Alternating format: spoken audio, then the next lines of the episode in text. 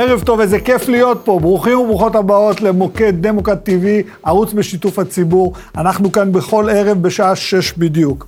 אני הני זובידה, מחליף הערב את לוסי האריש, שתחזור אלינו ואליכם בהמשך השבוע. הערב אנחנו נדבר על פוליטיקה, חיים משותפים, אם יש, וגם ניתן לכם עדכון קצר אבל חשוב ממשפט נתניהו. ידברו איתנו טל שניידר, מיכל האוזר טוב, מוסא חיסדיה ומריאן טחאוכו. אבל את התוכנית הזו אנו נפתח בשיחה באולפן. נמצאים איתנו שניים, האלוף במילואים איתן דנגוט, לשעבר מתאם פעולות צה"ל בשטחים, וגם שימש כמזכיר צבאי של שלושה שרי ביטחון שונים. ערב טוב, מה שלומך? ערב טוב. לצידו העיתונאי אמיר אורן, ערב טוב אמיר, מה שלומך אתה? שלום, הני. אה, אנחנו תכף גם נדבר על פרשת המגנומטרים וההתערבות בנושא שעלתה ממשפט נתניהו של שר אבי יאיר נתניהו. נדבר על התגובה של כוחות הביטחון לאירועים ביטחוניים, אבל נתחיל עם הפיל המאוד גדול בחדר, איראן, אה, ערב טוב חברים. אה, בוא, בוא, נדבר בראש ובראשונה על המצב כרגע בשטח, מה קורה מבחינת ההסכם, איפה אנחנו עומדים יחסית לארצות הברית. שבעה סיבובי שיחות הסתיימו, כמו שדווח, ללא תוצאות. דובר על המשך החידוש השיחות, אם אינני טועה, מחר, כאשר uh, הדברים אינם ברורים, אבל לפי הערכת מצב כרגע, מדברים כי שני הצדדים מתבצרים בעמדותיהם, אין גישור, אבל יכולות פה להיות גם בהקשר הזה לעיתים גם הפתעות בזמן של uh, המתנה כזאת או, כזאת או אחרת. אבל אם נתמקד פה, אני חושב שאנחנו באמת ישראל מנסה לנצל ברגעים האלה את היכולת שלה לצאת באיזשהו, תקרא לזה, מתקפת הצהרות פוליטיות. לא יודע לומר לך אם בעיתוי ובתצורה הן נכונות, אבל זה כבר מבחינתנו עובדה כרגע, כדי למצב את המסר המרכזי לארצות הברית של אי שביעות רצון מכיוון התנאים בהליכה בהסכם. איך עושים את זה גם? דרך גם הדברים שישראל כבר מדברת מזה שנים רבות. הזכרת את ה... כשהייתי מזכיר צבאי, שלושה שרי ביטחון כבר התחיל מאז. יש לך את ההיבט כמובן המדיני, לצד זה את אופציות צבאיות.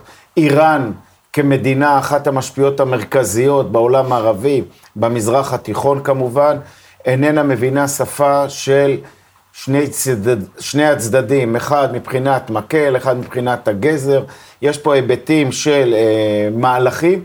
כפי שנראה כרגע, האיראנים באים מאוד מיוצבים בראייתם לקבל מקסימום אה, ביטול סנקציות, אותם הם דורשים לחזרה להסכם של 2015, לפני מה שאירע ב-2018 עם יציאת ארצות הברית מההסכם, ואם נחזור ל-2021, כניסתו של ביידן והצהרתו לחזרה להסכם, וגם עם מינימום קרבה ליכולת שלהם בהפקת הבסיס שיהפוך אותם לאיראן קרובה מאוד ליכולת אה, גרעינית. בראיית האמריקאים כרגע, כפי שאני רואה את הדברים, לאמריקאים מבחינת אינטרס, דרך אגב, אני יכול להבין אותו, אני לא מדבר בהיבט הישראלי, שמים את סין במרכז העולם שלהם מבחינתם, מדיניות הפנים שלהם, הכלכלה. הנושא האיראני לא בא לביידן לדעתי, כפי שהוא תיאר, שהוא יבוא לו מבחינת הדחיפות והפעילות ש, שאותו הוא מיישם. ולכן יש פה שיח מאוד מעניין לתפיסתי, שהתפתח ביום שאחרי וינה, שאני מייחס לו בין האמריקאים לישראל, כאשר אתה נמצא גם בשבוע שבו אתה רואה מעבר להצהרות הללו, שני בכירי מערכת ביטחון, אחד ברמת המוסד, שלמעשה בראייה הגלובלית שלו, משקף את ההיבטים הביטחוניים, ידע בהקשר של מה שקורה בטהרן עצמה, והדבר השלישי בהיבט גם של ההיבטים של הצד הצבאי או ההיבטים האחרים, ומצד שני, מי שמופקד על כל מערכת הביטחון בישראל אמור להגיע לשם שר הביטחון בני גנץ ביום רביעי. יש לזה איזשהו יתרון, גם מניסיוני, השיח עם האמריקאים בממשלות דמוקרטיים, בממשל דמוקרטי, היה תמיד בשיח, או תמיד אפשר להגיד שהשיח הצבאי ברמות הללו היה שיח ענייני, הבנות, קודים ברורים, ויכולת גם להניע דברים שבאים מתוך המערכת הביטחונית, ליצור איזשהם איזונים ביחס להלך הרוח הכולל. אתה יודע, אני, אני שומע את התשובה של האלוף דנגוט במילואים, ואני חושב רגע לשנייה, אני מסתכל גם על מה שקורה בישראל. זה נראה כאילו אנחנו חלק מהמשא ומתן, אבל צריך להגיד, אנחנו לא חלק מהמשא ומתן. בכלל לא, ויש כאן אה, שתי חזיתות אה, בווינה, שישראל לא שותפה אף לא לאחת מהן. חזית אחת, בהמשך למה שאיתן אמר, על ציר הזמן. אה, טראמפ ב-2018 ניסה לגנוז את 2015. עברו מאז שלוש שנים, וטראמפ הוסיף עוד עיצומים שלא שייכים בכלל לתחום הגרעיני. באים האיראנים במסגרת השחמט שלהם או הגדלת ההימור ואומרים, אתם רוצים שנגלול לאחור מה שעשינו בתחום ההעשרה ונחזור לציות מלא ל-2015?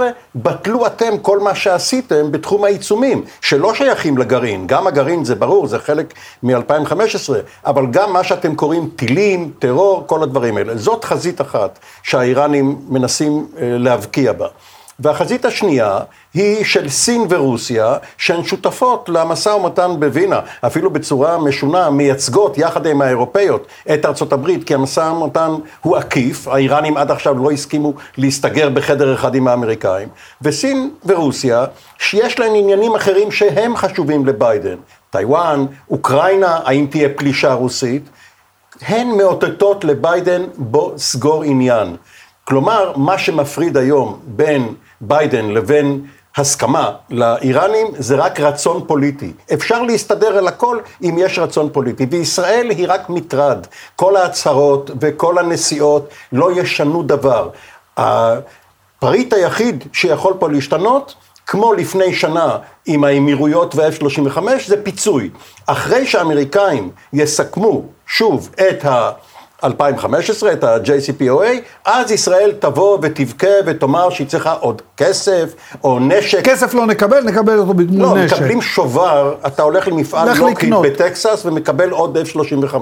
ועל זה כנראה יהיה המוקד. אבל בישראל, מה שבנט, גנץ ולפיד עושים, הכל מפחד נתניהו. זה הכל שמא הוא יגיד, אתם רכרוכיים, אני הובלתי מאבק ואתם נכנעים ואמרתם שלא תפתיעו, זה רק פוליטיקה פנימית. איתן, אני, אני חייב לשאול אותך, בתור מישהו שישב עם שלושה שרי ביטחון, יש הרגשה בחלק מהאנשים, ואני מסכים, ישראל לא חלק מהמשחק ברובו, האם נפתלי בנט, ראש הממשלה, מדבר לבייס שלו בארץ, או שהוא מדבר לארצות הברית? לכו לסגור עניין. איפה זה עומד עכשיו?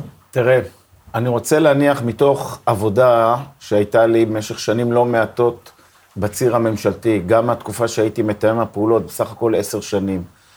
אני יכול לומר לך שבמרבית המקרים, בדיונים הללו, אתה ראית פה את האחריות הלאומית על הכתפיים של אותם מדינאים כשאני ישבתי בנוכחותם. תמיד היה ברקע את ההיבטים הפוליטיים.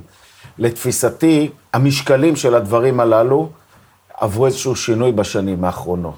ובהקשר הזה אינני יודע כרגע על נפתלי בנט, אני יוצא מתוך הנחה שכראש ממשלה אני נותן לו את כל הקרדיט, שהוא מבצע את מה שהוא מבצע מתוך אמונה בדברים שלו. זה קדנציה, גם דרך אגב, ראשונה. ותראה, בדברים הללו, ראש ממשלה לא נולד ככוכב בשמיים, גם הכוכבים בשמיים הם בקבוצות.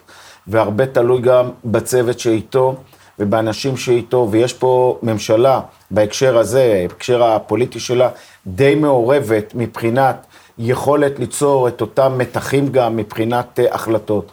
אבל אין לי ספק גם מניסיוני, שראש הממשלה הוא הדמות הדומיננטית בהקשר לדברים הללו, עליו מוטלת באמת האחריות בשפיץ ההובלה. לשר ביטחון יש משקל גם לא מועט, ואולי גם בהיבטים, יש פה מספר אנשים עם ניסיון שהיו גם בממשלות קודמות. אני בהקשר האיראני חושב כרגע שאנחנו די מיצינו את הגוואלט נקרא לזה, או את המסר הפומבי. אני יותר מאמין במסר שהוא מסר של דיונים רציניים, של ישיבה בחדרים סגורים, ניתן לתת הצהרות כאלה ואחרות, צריך גם לשמור את הרמות, לא צריך, כל אחד פה צריך להתבטא בהקשר הזה. זהו, יש, יש פער היום בין שר הביטחון לראש הממשלה? אינני חושב, אני חושב ששניהם פה יוצרים אולי איזשהו שלם. אני שמעתי את ההתבטאות של שר הביטחון, היא התבטאות, דרך אגב, שהיא מאוד מאוזנת ביחס לדברים. ואם אתה שואל אותי, לראש ממשלה גם, כנושא באחריות, יש את הפריבילגיה, כי זה ניהול סיכונים אישי שלו, לקחת על עצמו ולהחליט איך ומתי הוא אומר מה. אבל החשוב ביותר, וזה אני... משפט. שאמיר, החשוב ביותר הוא כרגע, בתפיסתי, לחשוב על היום שאחרי וינה. כן. ואני רוצה לדבר על זה. האמריקאים כרגע מסתכלים מהצד, אנחנו יודעים, בעיקר הסינים מושכים אותם, בואו תסגרו את הפינה כי אנחנו רוצים להתקדם, אבל הנה השאלה שלי, האמריקאים בכלל מתרגשים ממה שאנחנו אומרים, או שבכל זאת סין, אתה יודע, מדינה קטנה אי שם באסיה.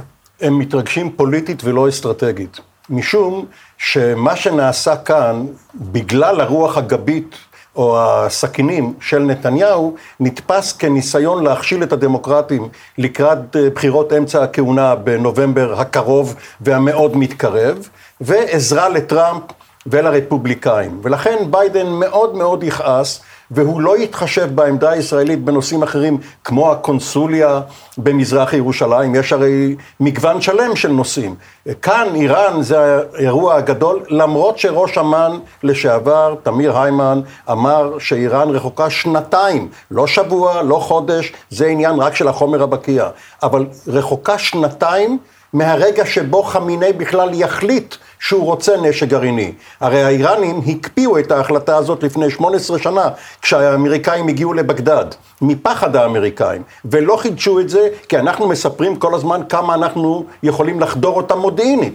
אז הם נזהרים לא להחליט להגיע לנשק גרעיני. לכן כל הצעקות האלה לא עושות רושם על האמריקאים. האמריקאים מבינים מה קורה כאן, גם פוליטית פנימית וגם פוליטית כלפיהם, ואנחנו עוד נשלם את המחיר, החשבון יוגש. החשבון יוגש אחרי נובמבר. אבל אני חייב פה, אמיר, גם אה, בהערה שלי, בעין ובאלף. אני בכל זאת חושב שהאמריקאים לוקחים בשיקול דעת הצהרות ישראליות ביכולת של דברים שישראל תעשה אה, בכוחות עצמה, או את המסרים הישראלים. אני לא אומר שהולכים לעשות את זה מחר. אני לא אומר שזה דבר שצריך להתבצע כרגע, ואני לא אומר גם לגבי איפה לעשות את זה, זה יכול להיות גם במקומות אחרים, כי יש לך פה ציר מקביל. הציר, נקרא לזה הציר ההתפשטותי האיראני, ליצור באמצעותו איום על גבולות ישראל, דרך לבנון, סוריה, עיראק, עם לחץ כבר אבל יש גם את הצד השני, הסכמי אברהם, הניסיון לא, להתקרב. אני מיד אגע בזה, אבל יש פה איום שהוא לא פחות. לפעמים אתה מטפל באיום השני, בראייתי, הוא לא פחות יכול ללחוץ בהקשר הזה את האיום הראשון. לגבי הסכמי אברהם, אני רואה במה שאתה רואה את הכיווני פגישות של איחוד האמירויות, סעודיה, המסרים כלפי איראן, כל האזור הזה מבין שיש פה חוסר יציבות, אי ביטחון. הוא גם רואה שהאיראנים נמצאים בתפיסתם באיזושהי נקודה שהם חשים יתרון היום ורוח גבית אם הם מרשים לעצמם את כל הניהול, והאמריקאים מחר יכולים לצאת מעיראק הקשר גם גבול עיראק בסוריה עצמו, ולכן, והם נשארים, כמונו, באזור הזה, ולכן אתה רואה פה איזשהו שינוי מדיניות, לא רק כלפי איראן, גם כלפי אסד אתה רואה כבר ריכוכים בהקשר הזה, מחזיקים את הדברים, אבל עדיין, אני בכל זאת חושב שהמדינות הסכמי אברהם לא נמצאות במצב כמו שקטר למשל, שמעטלת פה בהקשר הזה בכל האזור, אבל הם שומרים לעצמם אופציות בהקשר הזה, ואתה יודע מה, אני יכול להבין גם את האינטרס. רצית לדבר על מגנומטרים. לא, לא, רק רגע, שתי נקודות קצרצרות.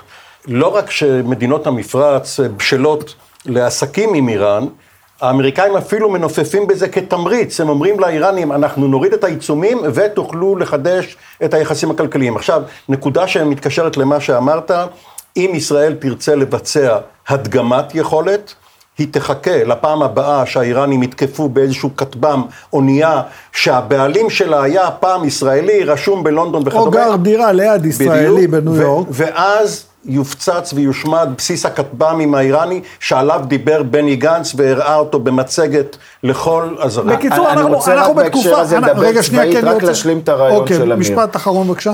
לתפיסתי, מדינת ישראל צריכה לשבת ולשקול שינוי תפיסתי ולא להיות מגיבה, אלא להיות יוזמת גם במספר הקשרים, כי בעבר היינו, לפני שנים אה, לא מעטות כבר, שיוזמות מביאות לך יתרון בהקשרים מסוימים, במיוחד שהאיום הוא מרכזי.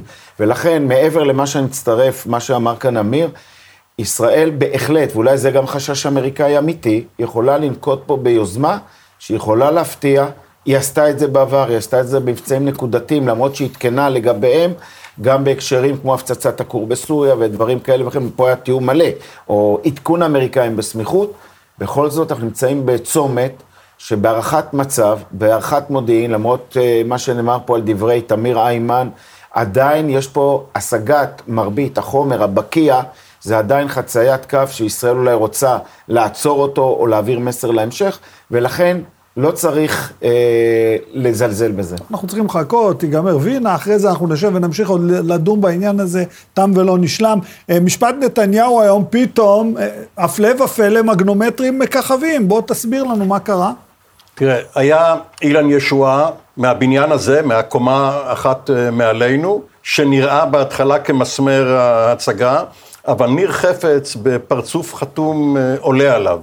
ומה שקרה זה שעורך דינו של נתניהו, בועז בן צור, דחק את אה, חפץ לפינה בכך שדיבר על ענייניו האישיים, בהקשר של החקירות, כדי להראות שחפץ הסגיר את נתניהו לא משיקולים נכונים או אתיים. עונה לו היום, לו ולשולחו, למרשו, עונה לו היום חפץ, באמירה ישר לצלעות. הוא נשאל, גם בהמשך לחקירתו במשטרה, מדוע עזבת את לשכת נתניהו? והוא אומר, כי לא יכולתי לסמוך עליו בהחלטות ביטחוניות, משום שהוא היה משועבד לרעייתו ולבנו. ובכך, ברגע שהוא אומר שנתניהו לא קיבל החלטות משיקולים ממלכתיים טהורים, אלא שינה, וכמובן מדובר על הר הבית, על המגנומטרים. אבל בוא, בוא רגע, בוא רגע, כי אתה אומר את זה ככה כלאחר יד. לא, המגנומטרים, לא, לא, אני, אני, כן. משדר אותו גם. בבקשה. למגנומטרים היה פה תפקיד חשוב באירועים במאי, בשומר החומות. אה, העובדה ששמו מגנומטרים וכל העיכובים יצרו את הלחץ בירושלים, ואז התחילו ההתפרעויות, ואז הטיל מעזה, ואז כל המבצע לא, הזה... לא, יוצא... לא, לא, זה, לא, מדובר על המגנומטרים לפני כמה שנים, לא מדובר על מאי האחרון.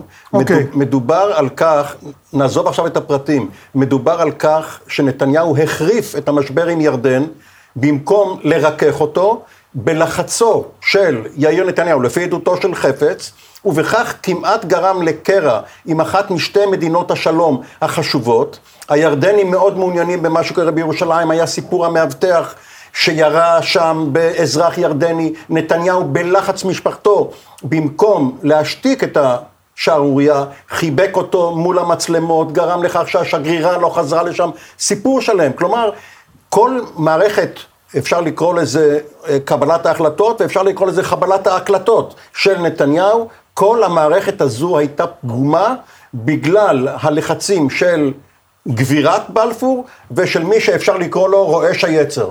אני, אני רוצה לשאול אותך, זה, זה מקובל, ראשי ממשלה, אנשים מתייעצים עם הבנות זוג שלהם על כל דבר, ראש ממשלה שמתייעץ עם בת זוגו, זה מקובל, זה חלק מהשיקול. זה יפה שהיא בכלל מסכימה לשמוע עצות שלו. לא, שהוא מסכים לשמוע עצות שלה. אה, זה ככה. ככה שמעתי. אינני יכול להגיד לך על כל אחד באופן אה, פרטני. אני יכול להגיד לך, בדיונים שאני השתתפתי וקיבלו החלטות, ובתקופה שהייתי, הייתי גם תחת, הספקתי תקופה קצרה עם אריק שרון, כשהיה ראש ממשלה. שהיה אלמן. כן, ותקופה עם כמובן ראש הממשלה שווה אהוד אולמרט, וגם עם ביבי נתניהו. כן, אותו ביבי נתניהו, בתקופה שאני הייתי, הפגין אחריות רבה מאוד בקבלת החלטות. אני סיימתי את שירותי ב-2014, לפני צוק איתן. ובדברים האלו, במיוחד בתקופתי כמזכיר צבאי ברגעים אינטימיים, ראיתי ראשי ממשלות מקבלים החלטות, הרבה פעמים מתוך התייעצות והשפעת המעגל הקרוב הסובב אותם, קבינט, ראשי מערכות ביטחון. מה שקרה בשנים שלאחר מכן ואת כל הדברים הללו, אם זה קורה ככה זה איננו תקין, וכמובן שראש ממשלה יכול לשמוע, צריך בסוף כמו וזה טבעי גם שהוא ישמע את הדברים מבני ביתו. בתקופתך היו ברק, מרידור, בני בגין, אביב כוכבי, תמיר פרדו. וידעו לתת עצות. וידעו, וראשי, וראשי גבי אשכנזי, ו... לקבל עצות זה לא בעיה, נכון? ודיסקין, ודגן, זיכרונו לברכה. ושמעון פרס. ולכן, קבל עצות זה חשוב. בסוף תתבודד, תשמע את הכל, תקבל, תעשה את השיקולים, ותביא את ההחלטה. לאישור הקבינט, שלרוב היא גם החלטה ריאלית. ולכן פה, אם... אבל קר... הסיפור המשפחתי הוא שאחרי שהתקבלה ההחלטה והלך הביתה, ההחלטה התהפכה. זה כבר סיפור אחר. זה... וזה אנחנו נחכה למשפט. אני רוצה עוד לדבר איתכם על נושא הדקירה בירושלים. זה, זה נראה לי כאילו, אני לא יודע, אני אגיד את זה במונחים הכי שכונה שאפשר. זה לא פייר. חיילים עומדים 30 שניות במצב כמעט בלתי אפשרי, אנחנו תכף נראה את זה, ו- וכולם רוצים הכל מהם שיעשה. לא, אז רגע, קודם כל נזכור שירושלים היא שטח ריבוני ישראלי, סופחה ולכן אין שם צבא אלא משטרה.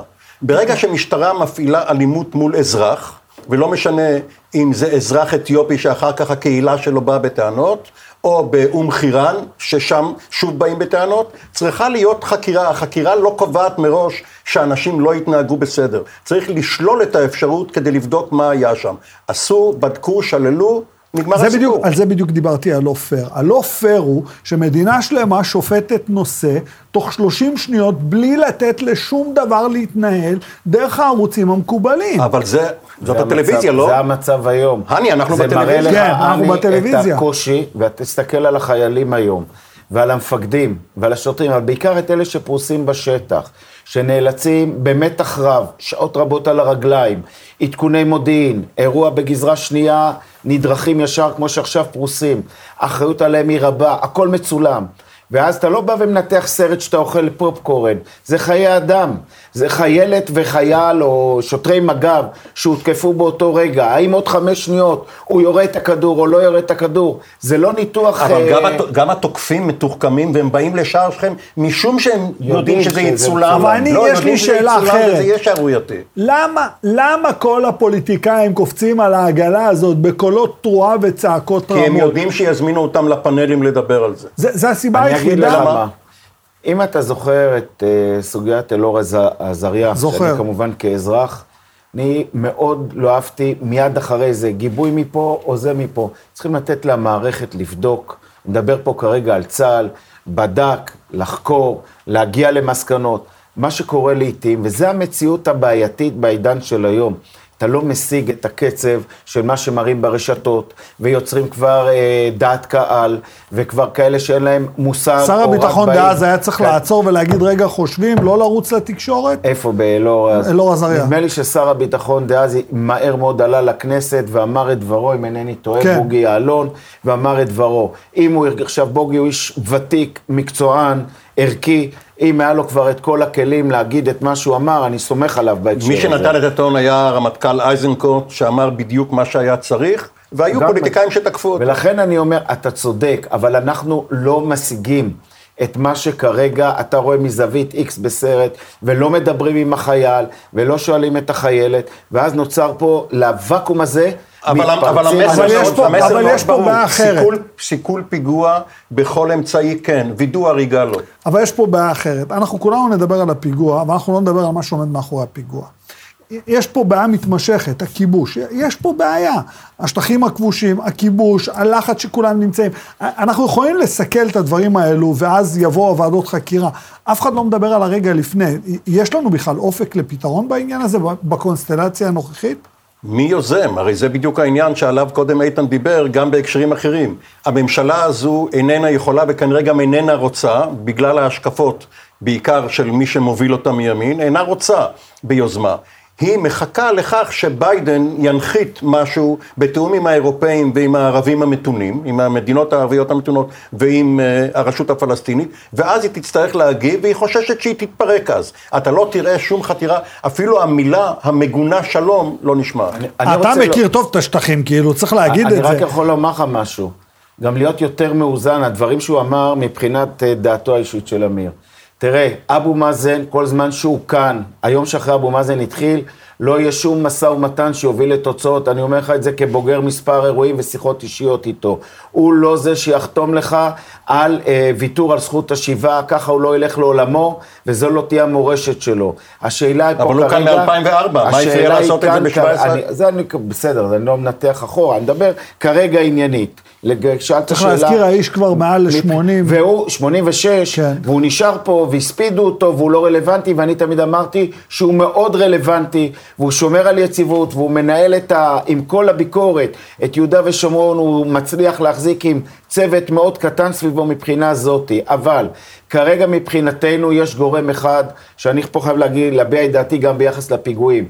המדיניות כלפי חמאס היא מדיניות שגויה, היא מדיניות לא מאוזנת. מי שיוצר לך את כל אווירת הטרוריסט האינדיבידואלי זה חמאס בדרך מתוחכמת, כי הוא מבין שישראל מבדלת.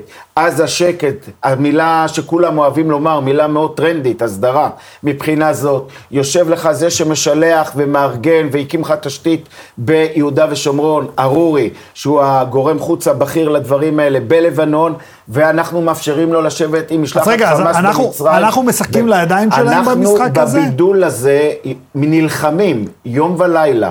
בגורמים הללו של חמאס וג'יהאד איסלאמי באיו"ש עם, מעצרים, אבל אנחנו לא משתמשים בכלים שיהיה ברור לחבורה הזאת בעזה. עשרת אלפים עובדים שיצאו לעבוד בישראל הם בתנאי של א', ב', ג', ואנחנו לא גם מראים למי שיושב בלבנון שידנו יכולה להשיג אותו שם, וגם אם זה יעמיד אותנו במבחן מול חיזבאללה.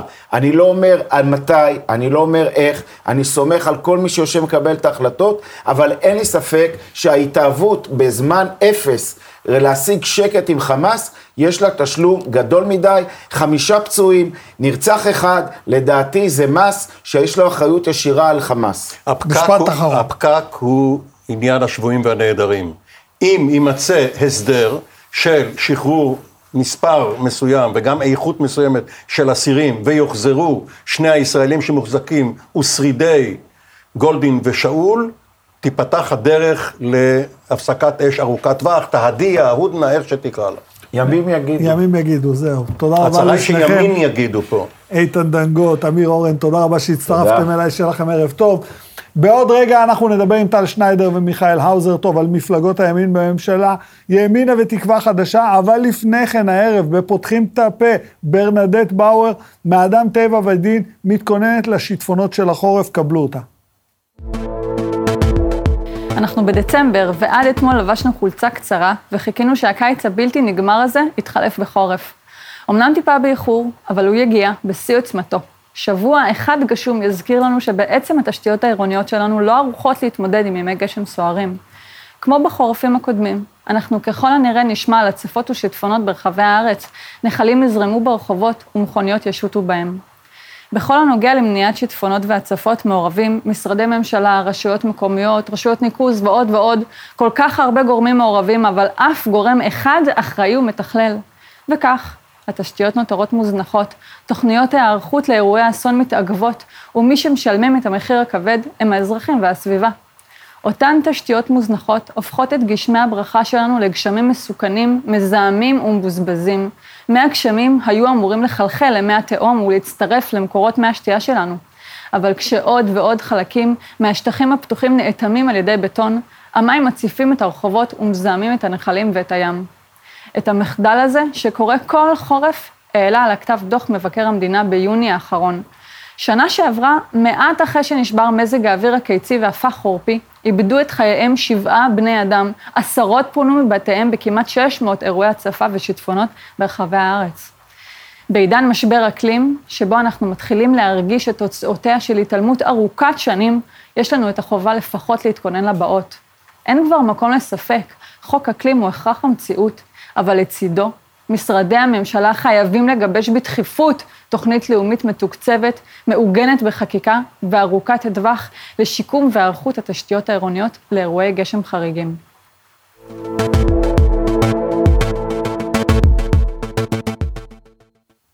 תודה רבה לברנדט באואר, אבל תזכרו כשהמים יגיעו עד לגובה הברכיים, שאמרנו את זה, יהיו שיטפונות גם השנה. עכשיו אנחנו נעבור לדבר על מפלגות הימין שנמצאות בתוך הקואליציה. בתקווה חדשה קיימו אמש כנס מפלגתי, שגם נשיא המדינה השתתף בו. גדעון סער הפגין ביטחון רב לגבי עתיד המפלגה. כדי לדבר איתנו על תקווה חדשה וגם על ימינה, נמצאים איתנו טל שניידר, זמן ישראל, ערב טוב טל.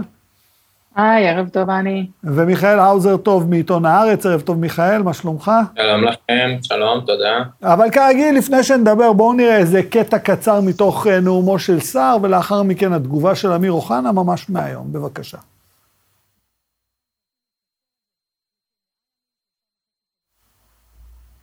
בבקשה.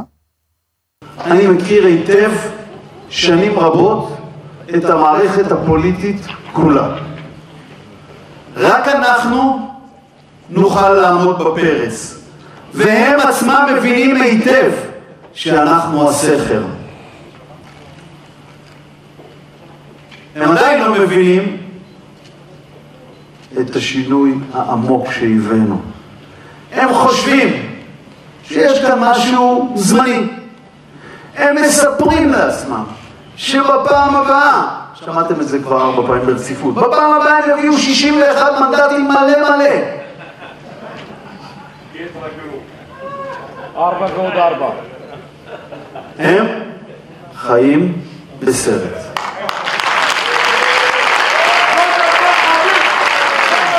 אני קודם כל מבקש שיחשוף מי הם חברי הליכוד שעוד מדברים איתו. אני לא uh, מאמין שיש כאלה, בטח לא בקרב חברי הכנסת, ואם יש, אז בואו נשמע, נשמע מי עוד מדבר עם uh, גדעון סער, שחי בסרט שהוא הולך לעבור את אחוז החסימה, אבל אנחנו, את יודעת, הוא פגש מישהו ברחוב, והוא אמר לו, אני תומך בך, אני מצביע לך בסקרים. הוא אמר לו, אה, זה אתה. להבדיל ממה שקורה בדרך כלל, כשאדם מגיע לפוזיציה ממשלתית שבה הוא יכול להשפיע ולשנות, ואז הוא עולה בסקרים, אצל גדעון סער אנחנו רואים צניחה חופשית, ואני לא מעריך שזה צפוי להשתנות. אה, טוב, פעם שלישית גלידה, זה התחיל וזה עבד. אה, טל, בוא- בואי נתחיל איתך. אה, תראי רגע, אני, אני, א', אני לא מבין מה המשמעות של סקרים היום, אבל בוא נניח שיש את הסקר, והסקר הזה מדבר על תקווה חדשה, מה הוא אומר לגדעון סער? קודם כל, אנחנו רואים גם גדעון סער- וגם אה, אמיר אוחנה, כולם חיים בסרט, אז זאת אומרת, יש פה כמה סרטים, כנראה יום הקולנוע מתקרב, יופי להם. אה, אני חושבת שהסקרים אה, כרגע הם, הם, הם מיותרים במידה מסוימת, אבל צריך להגיד את האמת, גם בעבר היו עושים סקרים בתקופות יובש, זה כשכלי תקשורת אולי לא מצליח לעניין בסיפורים פוליטיים עם תוכן, אז הוא מחפש את הדרך הקלה הזאת, שאגב, היא גם לא כך זולה, של לעשות סקר, וממלאים בכך את, ה, את התוכן. אה, אנחנו רואים שערוץ 12, אגב, דבק בשיטה, למשך תקופה, כל איזה חודש הם עושים אה, סקר. אני מסכימה שזה לא נותן לנו כלום, כי כשהבחירות יארכו, אם הם יתקדמו מעבר ל... אם הממשלה הזאת תתקדם מעבר לשנתיים, אז אה, כשהבחירות יארכו, גדעון סער יהיה שר החוץ, הוא לא יהיה שר המשפטים יותר, ואני לא יודעת להגיד לך מה זה אומר ואיך זה ישפיע עליו, אני לא יודעת להגיד לך מה זה אומר על בנט בעוד שנתיים, אה, כשהוא יהיה שר הפנים בכלל, וכשיאיר לפיד יהיה ראש הממשלה, אז באמת יש פה כל כך הרבה סימני שאלה, שממש אי אפשר לדעת מה המשמעות של הסקר הזה. כן, מיכאל, אה, תשמע, נראה לי שגדעון סער במשרד המשפטים הולך על קליפות של ביצים. א', אין מינוי של שופטים לעליון, הוא ממנה שופט זמני. ב', הוא לא נכנס לטאקלים עם אף אחד, ואתה מכיר אותו לפחות טוב כמוני. אתה יודע שגדעון סער הוא מאלה שמורידים את הראש ונכנסים חזיתית. פתאום הוא כזה מאוד ממלכתי, הוא מאוד רגוע, הוא מנסה לשמור על כבודם של כולם. והשאלה, למה הוא עושה את זה? הוא מפחד?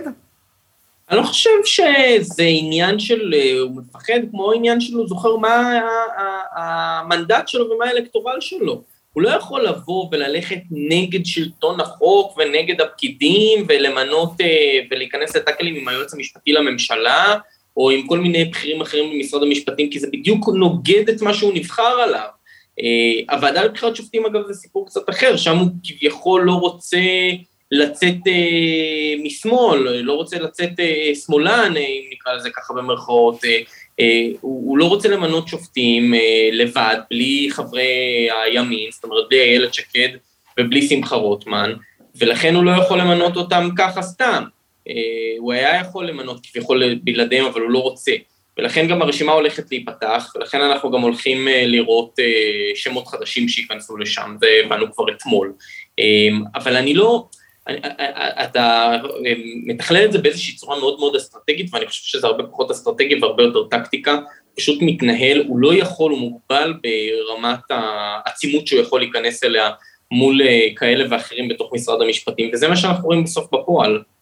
כן, אה, טל, יש לי שאלה. כשאני מסתכל גם על ימינה וגם על גדעון סער, וכולם אומרים, מנשקות את אחוז החסימה מלמטה, אולי טיפה מלמעלה, את יודעת מה עולה לי בראש? עולה לי המשותפת. יש סיכוי שתקווה חדשה וימינה עושים איזשהו איחוד ורצים קדימה ביחד? הכל אפשרי, אנחנו באמת כל כך רחוקים כרגע. אה, אתה יודע, גם אה, מיכאל, מיכאל וגם אני מסתכלים ואומרים, חלפה חצי שנה ולא מדברים איתנו על בחירות, אז זה כנראה איזשהו הישג קטן שאנחנו היינו בלופ ככה אינסופי, ולכולם, גם לך וגם לערוץ 12 וגם לדמוקרט TV ולכל מי שבזירה הזאת, קשה להשתחרר מהתחושה שאו-טו-טו באות בחירות. אז באמת וברצינות, אם אין בקרוב בחירות, אז מה שווה לדבר כרגע על קונסטלציה של חבירה של ימינה עם תקווה חדשה? אולי כן, אולי לא, מוקדם מדי לדבר על זה. אגב, אני אה, מסתכלת על סער, אה, אני חייבת להגיד, הרבה מהדברים שהוא אמר בשיחות אה, פרטיות, סגורות וכולי, הוא מיישם, שזה אותי כעיתונאית שמסקרת פוליטיקה, תמיד זה ככה מפתיע אותי כשיש מישהו שככה, מה ששמעת ממנו אה, באמת אה, קורה. אני גם עוד רוצה לתת איזשהו סוג של אה, מחמאה, זה גם זה מותר, על החקיקה בתחום החברה הערבית. אתה רואה, היום למשל מצביעים בכנסת על כל החוקים שהם דיברו עליהם בעדיפות הראשונה בנושא של אה, אה, נשק בלתי חוקי, אה, שינוי הצווים של בתי המשפט הכלכליים שיהיה אפשר לשפוט בהם עבירות כלכליות מהחברה הערבית, הגברת הענישה, צווי חיפוש, כל הדברים הללו שאמורים לאפשר להם לטפל בפשיעה בחברה הערבית, הם קיבלו את, בממשלה הזאת, אבל זה שר המשפטים בעצם שמטפל בזה כי הוא אחראי על החקיקה הזאת, קיבלו עדיפות יותר גבוהה, נניח מחוקים, אה, למשל עוד לא ראית את ה... את החוק הזה של אה, גם לא פיצול היועץ המשפטי וגם לא נאשם בפלילים שלא יכול אה, לקבל מנדט וכולי. הם כן מחוקקים, אולי זה לא סקסי ולא מעניין את הציבור, אבל הם כן רצים עם החקיקה של, אה, של המאבק בפשיעה, בפשיעה בחברה הערבית. אז אותי זה יותר מרשים מאשר אה, סקר. כן, או... אבל את יודעת, טל, זה, זה ממש ליודעי חן העניין הזה. כי רוב הציבור, את יודעת, מה הוא מקבל? יום שישי, 12 בלילה, ערוץ 12, 9 באוטרום, יש סקר. רוב הציבור צופה בערוץ 12, ולא רוב הציבור צופה בדמוקרט TV, אבל בוא נגיד את האמת, גם להם, אבל גם להם יש בעיה של רייטינג, וכולנו מרגישים את הבעייתיות שמתרחשת בברודקאסט בכל העולם ולא רק בישראל, ואנשים צורכים מדיה אחרת, והנה אנחנו משמיעים דעה אחרת, בשביל זה יש אה, עיתונות שהיא אולי לא מספקת את התשובה שאתה, שרוצים לשמוע על אה, כן, הוא חייב להתמזג, זה צריך ללכת עם זה, אני מדברת איתך על תוכן, מה משרד המשפטים עושה, אני רואה שעובדים. אה, מיכאל. אני חייב להיות קצת פחות רומנטי ממך, בסדר? מבלי להיכנס לדיון התקשורתי, ברור. שהוא, שהוא פחות, הוא פחות לי לפחות, אבל אה, שוב פעם, שר מקדם חקיקה במגזר הערבי ולא את חוק היועמ"ש. את אומרת את זה כאילו הוא עושה את זה מתוך איזשהו רצון, אבל את חוק היועמ"ש הוא לא יכול לקדם, אין לו רוב, הוא לא מצליח לקדם את זה, הוא היה מאוד שמח לקדם. הוא גם היה מאוד שמח לקדם את החוק שיגביל את הנשיא מלתת את המנדט לנתניהו. מה הבעיה שלו לקדם את פיצול לא היועמ"ש? הרי איילת שקד איתו בנושא של פיצול היועמ"ש, היא הגתה את זה כשרת משפטים, מה הבעיה שלו לקדם את זה? נו, אבל ובמרצ ובמפלגת העבודה מתנגדים אה, בנחרצות לדבר הזה. לא מתנגדים לזה נחרצות, אני שמעתי מהם אמירות מאוד מרוככות בנוגע לא, לא. לזה. אני, יש להם בעיה מאוד גדולה. לפיצול היועמ"ש? אני רוצה רגע לשאול... וגם הקרב הזה של, של שר נגד היועץ המשפטי לממשלה לא טוב לו עכשיו, בדיוק מה שאמרתי בהתחלה. זהו, אני חושב שהוא כן, הוא נמנע מסיכונים, אבל אני רוצה לשאול אותך, מיכאל, תראה, בעוד אוחנה, די ברור, אוחנה דיבר לבייס אה, היום. הוא מסתכל להם ישירות בעיניים ואומר, אני ואני והבן אדם והבדיחה. למי, למי מדבר סער? למי מדבר גם, גם אה, נפתלי בנט? גם נפתלי בנט, אתה יכול לשאול את אותה שאלה. גם, בדיוק, זה מה שאמרתי, למי מדבר נפתלי בנט? כן. אני מסכים איתך במיליון אחוז. יש להם בייס? תראה, אני חושב שזה קצת גישוש באפלה. הם, אין להם איזשהו בייס מוגדר. הם חושבים אולי שיש להם בייס, ויש להם כמה אנשים שבאמת מתחברים באופן מעומעם לאיזשהו מסר כללי כזה של מפלגת ימין, שהיא לא בליכוד, שהיא כן בממשלה, שהיא בעד שלטון החוק, ובאמת איזשהו סגנון יותר ממלכתי. הייתי מעריך את זה, תשמעו, אנחנו רואים את הסקרים, אז נפתלי בנט פחות או יותר על משהו כמו שישה מנדטים, גדעון סער על 2.4 אחוז, שזה משהו, נגיד נעגל את זה קצת כלפי מטה, בסדר, נגיד שלושה מנדטים, בסדר? אה, אה, הסיפור הזה הוא מחזיק משהו כמו שבעה, שמונה מנדטים, לא יותר. הם כמובן לא מדברים רק לאותם שבעה, שמונה מנדטים, הם די מגששים באפלה. אין בייס מוגדר לתקווה חדשה, אין בייס מוגדר לימינה, אה, אין בייס מוגדר לכחול לבן. זה הכל מפלגות כאלו שמתהלכות, אה, מנסות לדבר ולקלוע לדעתם של אה, איזה שהן קבוצות כאלה ואחרות, ולאסוף בדרך. אבל זה מפלגות חדשות. מיכאל, יש סיכוי, להם... יש סיכוי אם נתניהו הולך הביתה שאנחנו רואים, לפחות את תקווה חדשה חוזרים לליכוד? לא נראה לי שזה כבר משהו שהוא כל כך אה, רלוונטי, תקווה חדשה שתחזור לליכוד, יהיה לגדעון סער מאוד מאוד קשה, הוא עזב את הליכוד מה שנקרא בטריקת דלת, אבל לך תדע. אבל זה, זה נראה לי כמו תרחיש מאוד מאוד אה, קיצוני ובעל סבירות מאוד נמוכה.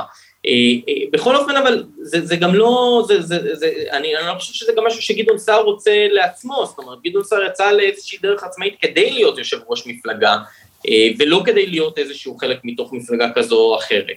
זה מתחבר קצת לשאלה ששאלת את טל מקודם, האם יהיה איזשהו איחוד? אני כן מאמין, למרות שאנחנו רחוקים, בין אם זה ייקח עוד שנה, שנתיים, שלוש או ארבע מבחירות, אני כן מאמין שהימין מרכז לא ירוץ בצורה שאנחנו רואים אותה כיום.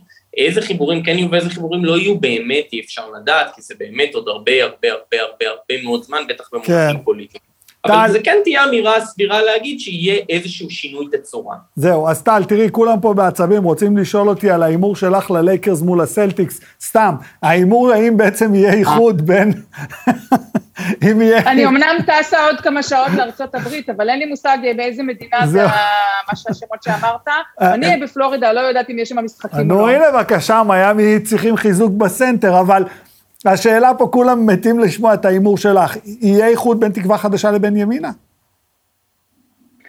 אה, דווקא הסצנריו שאתה נתת פה על איזשהו סוג של ניסיונות אה, לחדור חזרה לליכוד, נראה לי יותר, אה, זאת אומרת, שוב, רק אם נתניהו עוזב כמובן, כן. אבל אם אני חושבת שאם נתניהו מחליט לפרוש או ללכת, אז, וזה גם נורא נורא תלוי כמה זמן זה ייקח, אז אני כן חושבת שיהיו הרבה כוחות שינסו לחדור חזרה לליכוד, אה, החל גם, ממש כמעט כל מי שאתה מכיר היום במפה הפוליטית ירצה להיות שם בחזרה, אה, ולכן אני לא יודעת להגיד לך לגבי בנט וסער ביחד, אה, באמת קצת מוקדם מדי לדבר על זה. שניהם, אני מסכימה עם מיכאל, שהם שניהם איבדו את, ה, את הבייסים שלהם, יש בזה משהו שהוא קשה לפוליטיקאי, מצד שני יש בזה גם משהו קצת משחרר, זאת אומרת, אתה יכול כאילו... אתה יכול להגיד מה שבא לך.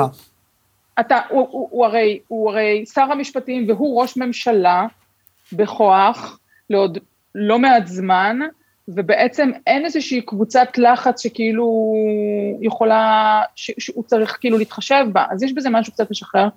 אה, אבל אני כן רואה את, ה, את כל העסק הזה, שאתה מסתכל על, ה, על כל המחנה הלאומי, אז נניח אה, סמוטריץ' אולי יישאר אה, מובחן, אבל כל המפה האחרת, החל מליברמן, דרך מה שנקרא אקס משה יעלון כאלו, ועד ימינה, הכל מאוד מאוד פלואידי שם. אוקיי, שומרים את ההקלטה, גם שלך, גם שלי וגם של מיכאל, לפדיחות בעתיד, כרגיל. שנתבזה בהמשך. כן, ברור, אני... ביזוי זה השם האמצעי שלנו. אה, טל, אני רוצה ממך משפט אחרון, משפט נתניהו, תני לי עדכון. כן, היה מרתק היום, היה פצצה שהופלה, אה, כאשר ניר חפץ למעשה ניצל איזשהו רגע שבו אה, העורך דין אה, של נתניהו שאל אותו בחקירה נגדית על, אה, על משהו על נתניהו, ואז ככה קצת לא רצה בעצם להיכנס לזה ולא עשה ככה שאלת המשך, ואחרי כמה דקות חפץ נפל לו האסימון, חזר אחורה, אמר, רגע, רגע, לגבי מה ששאלת קודם, אז כן, אני באמת חשבתי שהוא ראש ממשלה עם בעיות ביטחוניות, שהוא לא מסוגל למלא או לבצע, או מסוכן למדינה אפילו מבחינה ביטחונית.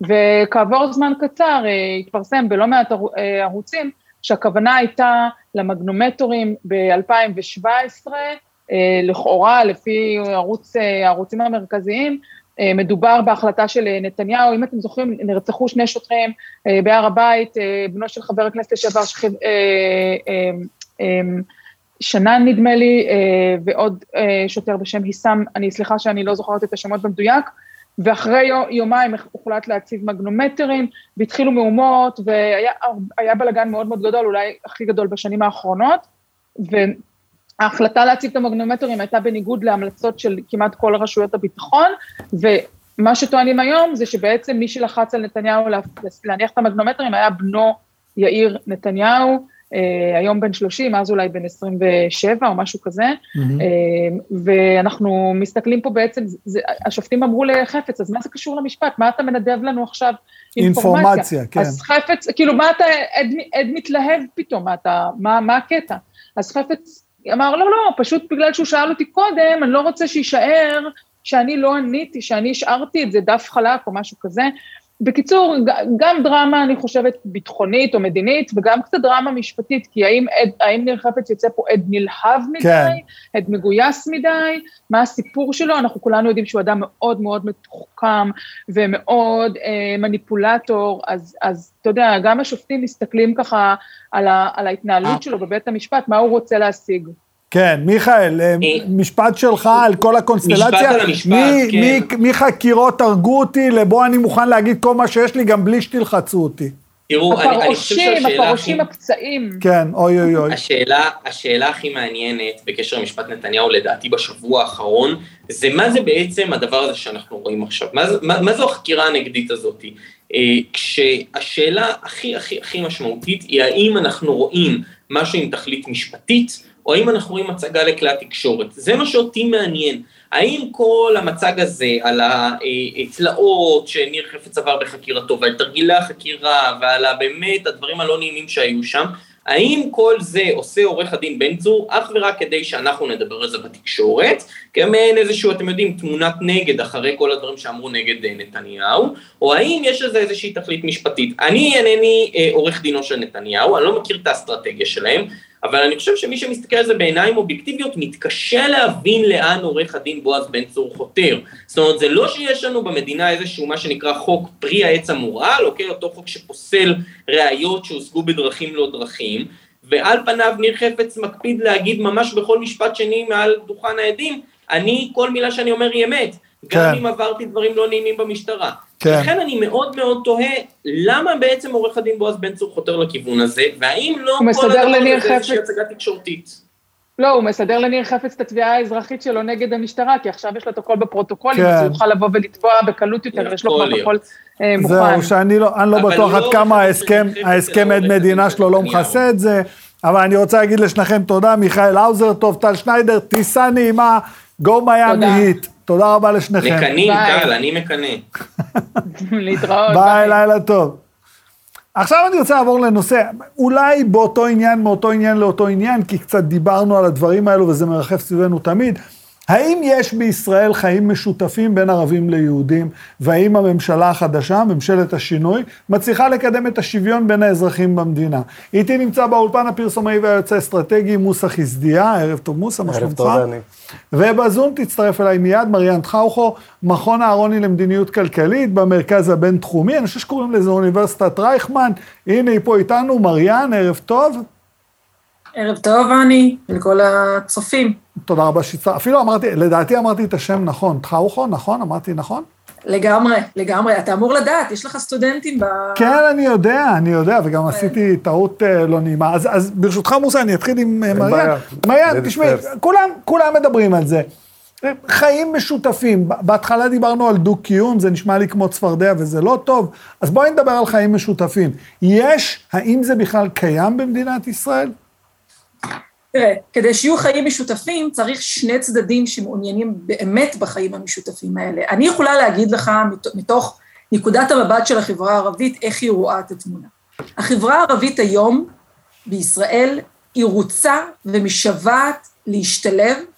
כל אימא ואבא אה, ערביים במדינה בעצם רוצים שהילדים שלהם יצליחו בלימודים, יגיעו לאקדמיה, ישתלבו בתעסוקה, שתהיה להם תעסוקה טובה, חיים טובים, וכמו לכל אה, אה, אוכלוסייה אחרת במדינה הזו. אז מהצד של החברה הערבית אכן יש רצון מאוד גדול להשתלב, אבל יש הרבה אה, היסטוריה אה, אה, במדינה, מאז קום המדינה, ש, אה, של דברים שצריך להשתלב, ל, ל, ל, להתמודד איתם, ואתגרים שצריך להתמודד איתם בעצם, כדי להביא לחיים משותפים אמיתיים במדינה הזו. וזה קצת קשה כאשר האוכלוסייה הערבית מנהלת בעצם חיים מקבילים לצד האוכלוסייה היהודית. האוכלוסייה הערבית גרה, אפילו מבחינת היישובים, האוכלוסייה הערבית גרה בכפרים וערים נפרדות, אפילו בערים המעורבות, בדרך כלל הערבים גרים בשכונות נפרדות, ובמערכת החינוך, הם לומדים במערכת חינוך נפרדת, אפילו בשפה אחרת.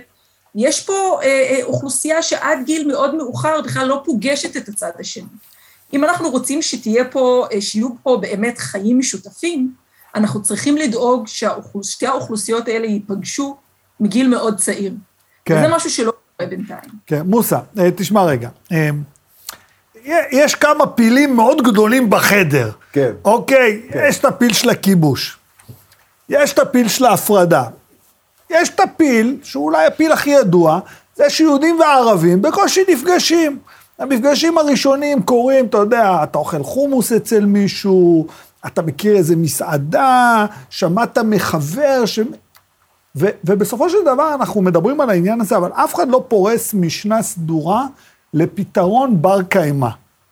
יש לך איזה פתרון שאתה יכול להגיד לי, ככה יעבוד? תשמע, אתה כל כך טועה, שאתה לא מתאר לך. אתה מדבר על מפגשים? בואו נתחיל, אתה יודע, מהנושא של האלימות שאתה דיברת עכשיו בתוכנית לפני. הציבור הערבי בעצם תומך בפעילות המשטרתית ובהחלטות הממשלה בלחימה באלימות רוב ברחוב הערבי. הציבור, אין שאלה הציבור. בכלל. זאת אומרת, זה דבר חדש. אני, אני זוכר את עצמי שעשיתי קמפיין למשטרה ואמרתי, 100 זה 100 ביטחון אישי, כמה מהומה בציבור הערבי נגד המשטרה, והמשטרה נתפסת לא תמיד, וברוב היא נתפסת כשלילית.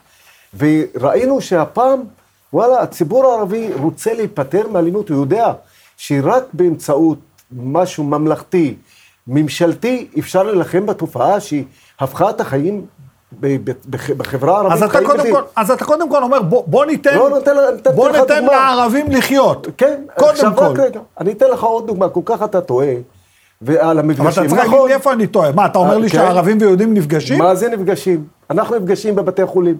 אתה יודע כמה רופאים יש היום בבתי חולים? 30 אחוז. אבל אני- כמה אחיות? רק רגע, אחיות ואחים? מקובל עליי. מה זה מקובל? אבל זה, זה רוב השעות העבודה. אני אבל- אתן לך דוגמה. אבל על- זה מפגשים, מוסא, כן, כן. זה מפגש שקורה, שהוא מפגש bypassing, מה שנקרא. אתה לא לא, מדבר לא, איתי. ממש ברשותך לא. רגע. בבקשה. אם תיתן לי. בבקשה.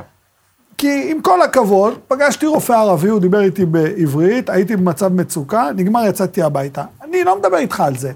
אם תשים ילדים מגן ללמוד ביחד עד גיל 18, אתה קורא לזה מפגש, זה מפגש. טוב, זה עדיין לא הגענו, אבל... אה, באמת? לא, חשבתי שאני. רק טועה. באקדמיה, לא, בטח, אתה טועה עדיין. כי אני אגיד לך, בבתי חולים נפגשים הרופאים הערבים והרופאים היהודים. נכון. אחיות ואחים. כמה אחוז הרופאים במדינת ישראל? 30 אחוז. לא. לא, כמה אחוז? אתה מדבר על אלפים, רק רגע. גם רופאים. אלפים זה אפילו לא עשירית האחוז. נכון, אבל רק רגע, לא רק כאן. אני אתן לך, נהגי המשאיות. אתה יודע כמה? זה יותר מ-60 אחוז נהגי המשאיות, נהגי אוטובוסים. הם ביחד. זאת אומרת, אנחנו חיים בחיי העבודה היומיומית. הם ערבים ויהודים ביחד. אתה יודע אז מה אתה מרכזי- בעצם אומר, רגע, מוסא, אז מו"לים. אתה בעצם אומר, מוסא, עזוב רגע, רק רגע. יש אתה יודע, חיים. משותפים. יש חיים משותפים, ברור. ברור, יש חיים משותפים, אנחנו חוזרים אחרי מלחמות, אחרי שומרי, שומר החומות, אחרי צוק איתן, אחרי כל מה שקורה, בסוף שני הצדדים יודעים שצריך לח- לחזור ולחיות ביחד. כי דיברו על פרנסה, אני מסכים עם מריאן, על החיים, על התקווה, חינוך הילדים, האקדמיה. כולנו חושבים על משפחה בסוף, והדבר הזה לא נותן לנו לוותר על חיים משותפים, זו נקודה מאוד מאוד אוקיי, חשובה. מריאן, תשמעי רגע, לפי מוסא אני טועה ויש חיים משותפים, הכל טוב, בוא רק נתקדם קדימה. אני, אני אוהבת את הגישה המאוד חיובית של... אה, גם מוסא, אני, אני טוב חייב להגיד. על הנקודות החיוביות בחיים, בים של, אה, אה, של אה, הרבה פסימיות שאנחנו חיים בו, בעיקר אני, כשאני מסתכלת על נתונים במחקר שלי, אני רואה בשנים האחרונות, וכואב לי להגיד את זה, איזושהי נסיגה, לפחות מבחינת השילוב הכלכלי והחברתי של האוכלוסייה הערבית במדינה. זה נכון שיש איים של תקווה, רופאים, אחיות, כל מיני אוכלוסיות שחיות ביחד, וזה בעצם תוצאה של משפחות ערביות שבעצם משקיעות בילדים שלהם כדי להגיע אה, לעמדות האלה, אבל רוב האוכלוסייה הערבית לא באמת מצליחה להשתלב. ואנחנו רואים בנתונים בשנים האחרונות ירידה מאוד גדולה בשיעורי התעסוקה של הגברים הערבים, בעיקר של הצעירים. אפילו אה, היו כתבות לאחרונה ששיעור התעסוקה במדינה חזר לעצמו, התגברנו על משבר הקורונה. זה נכון לכל האוכלוסיות, חוץ מהגברים הערבים. הם, אלה שנפגעו בקורונה, עוד לא חזרו לתעסוקה. ככה שזה טוב להיאחז אה, בנקודות האור, אבל צריך לזכור, יש פה בעיות מאוד גדולות, בעיות עומק, שאנחנו לא יכולים להתעלם מהן, וצריך לתת להן מענה כדי באמת שיהיו פה חיים משותפים. אבל אז. השאלה שלי, אני חייב לשאול אותך, אה, דוקטור טחאוכו, תראי, כי, כי אנחנו מדברים, אין לנו הרבה זמן, זה ברור, אנחנו גם לא ננתח, אבל תני לי משהו פרקטי לקיים את החיים המשותפים האלו. מעבר רק לכלכלה, בכלכלה בסדר, אוקיי, אבל יש פה איזה, ש... לא ברור לנו שיש נתק בין יהודים לערבים במדינת ישראל? כמו שאמרתי, אה, הני, ברגע שאתה מגדל שתי אוכלוסיות אה, אה, שלא נפגשות אף פעם עד גיל מאוד מאוחר, וכל אוכלוסייה בעצם מפתחת לעצמה איזושהי תיאוריה על הצד השני, מבלי לפגוש אותו בכלל. כל אחד מפתח את הנרטיב שלו על הצד השני, ואז כולם, מתי הם נפגשים? או כשהם מגיעים לאקדמיה, או כשהם רוצים אה, למצוא תעסוקה. ואז, וזה קורה בגיל שבו אתה כבר פיתחת את העמדות שלך, את התיאוריה שלך, את הנרטיב שלך ואת, מה, ואת האידיאולוגיה שלך על הצד השני. ו, ושם זה כבר נורא קשה לעשות את זה. אם אנחנו רוצים חיים משותפים, אני חוזרת ואומרת את מה שאמרתי בהתחלה, בואו נתחיל את זה בגיל צעיר. בואו נתחיל את זה כבר בתוך מערכת כן. החינוך, או גיל מערכת החינוך. אחרת זה לא יכול לקרות. ת, תן לי, תן לי מוסא, תן לי מתכון לעבור גם על הדברים שלא קיימים בשיתוף. אוקיי, הסכמתי, אני טועה, יש המון שיתוף פעולה. לא, למרות זה לא שאני... לא שלם עדיין. למרות אני, שאני... אני אומר שאתם אמרתם אפס, כאילו... לא, לא, לא אמרתי לא, אפס. אמרתי אני, שיש, אני... אמרתי שיש הפרדה. אנחנו בודקים כן. את החברה הישראלית, גם, המשק... גם השבקי העבודה שאתה מדבר עליהם, נהגי משאיות, רופאים וזה, הם משניים. אני מוכן לחתום על זה במספרים, אבל בוא, בוא תן לי רגע משנה. גם אתה, אם אתה עכשיו כפרסומאי, אתה צריך לבוא ולתת לי קמפיין. איך אנחנו חיים פה ביחד במרחב הזה? מה, מה האמירה? בוא, בוא, לפני זה אני אגיד לך דבר אחד, אני בא מתוך, מהכלכלה, ואני רואה שהיום דווקא המשק הישראלי משובה לעובדים בכל התחומים, גם בהייטק וגם ברפואה וגם בעובדים פשוטים. ואני חושב שדווקא המשק הולך, ואנחנו ראינו נתונים שבעצם האבטלה ירדה בצורה מאוד מאוד אה, קטנה היום. כך שהציבור הערבי משולב, קח ענף הבנייה, קח ענפים שלמים בתחום המסחר, אתה רואה את הערבים חיים בתוך, בתוך אה, אה, קניוני עזריאלי, אה, קניונים בתל אביב. עכשיו, לנקודה שלך, אנחנו עדיין לא שווים, לא שווים בנושא של השותפות. אנחנו באים עדיין בצווארון כחול, והציבור היהודי הוא צווארון לבן ומחפש את ה... הייטק מחפש את התפקידים הבכירים, התפקידים הציבוריים, אנחנו עדיין לא שם, אני מסכים, אבל אנחנו כן, יש לנו הכניסה של רע"מ, הכניסה של רע"מ בממשלה, נקודה. העובדה שעיסאווי נכון. הוא שר בממשלה, לא, זה, זה הסממנים. עיסאווי, עם כל הכבוד, זה שר לענייני שיתוף פעולה אזורי, זה עדיין משהו שהוא לא, לא נחשב. אני, כי אם אני 20% מהאוכלוסייה, אני מסכים עם ריאן, אני רוצה להיות 20% מהפעילות הממשלתית, קבלת החלטות. אנחנו היום גילינו, ומנסור עבאס עשה עבודה טובה, אני אגיד לך, תן לי להשלים משפט, אני אומר לך פשוט, הוא גילה, אמר, אני לא רוצה להיות צופה, אני לא רוצה להיות בצופים, אני רוצה לשחק על המגרש, והוא, למרות המחלוקות, אנחנו חלוקים בהרבה דברים, אבל אתה יודע מה, בחינוך, אנחנו צריכים להיות אותו דבר. בדיור, אני רוצה אותם תנאים. בתעסוקה, אני רוצה אותם תנאים. אז אם אני לא יושב בתוך הממשלה וקבלת החלטות, אנחנו לא שווים. לכן הוא עשה צעד, וזה לדעתי צעד שאין חזרה ממנו. אנחנו מתקדמים לכיוון הזה.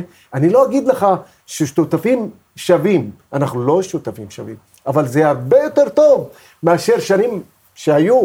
אנחנו היום הרבה, ואני צופה שהדבר הזה רק ילך וילך קדימה, כי גם הציבור היהודי רוצה את העובדים, את השיתוף פעולה הכלכלי, המסחרי עם הציבור הערבי, לא רק הציבור הערבי במדינת ישראל, אגלה לך, גם ציבור הפלסטיני.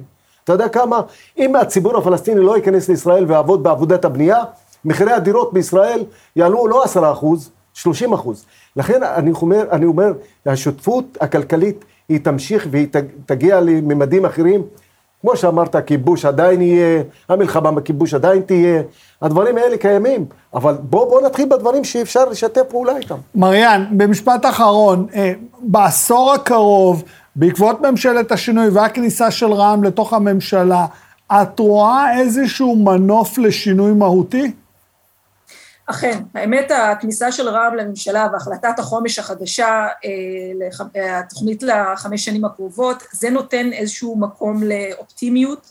אנחנו מרגישים רצון עז מצד משרדים ממשלתיים שונים כן לקדם, אה, גם מצד פוליטיקאים, כן לקדם את האוכלוסייה הערבית. בסופו של דבר צריך לזכור, האוכלוסייה הערבית היא רבע מהאוכלוסייה הצעירה.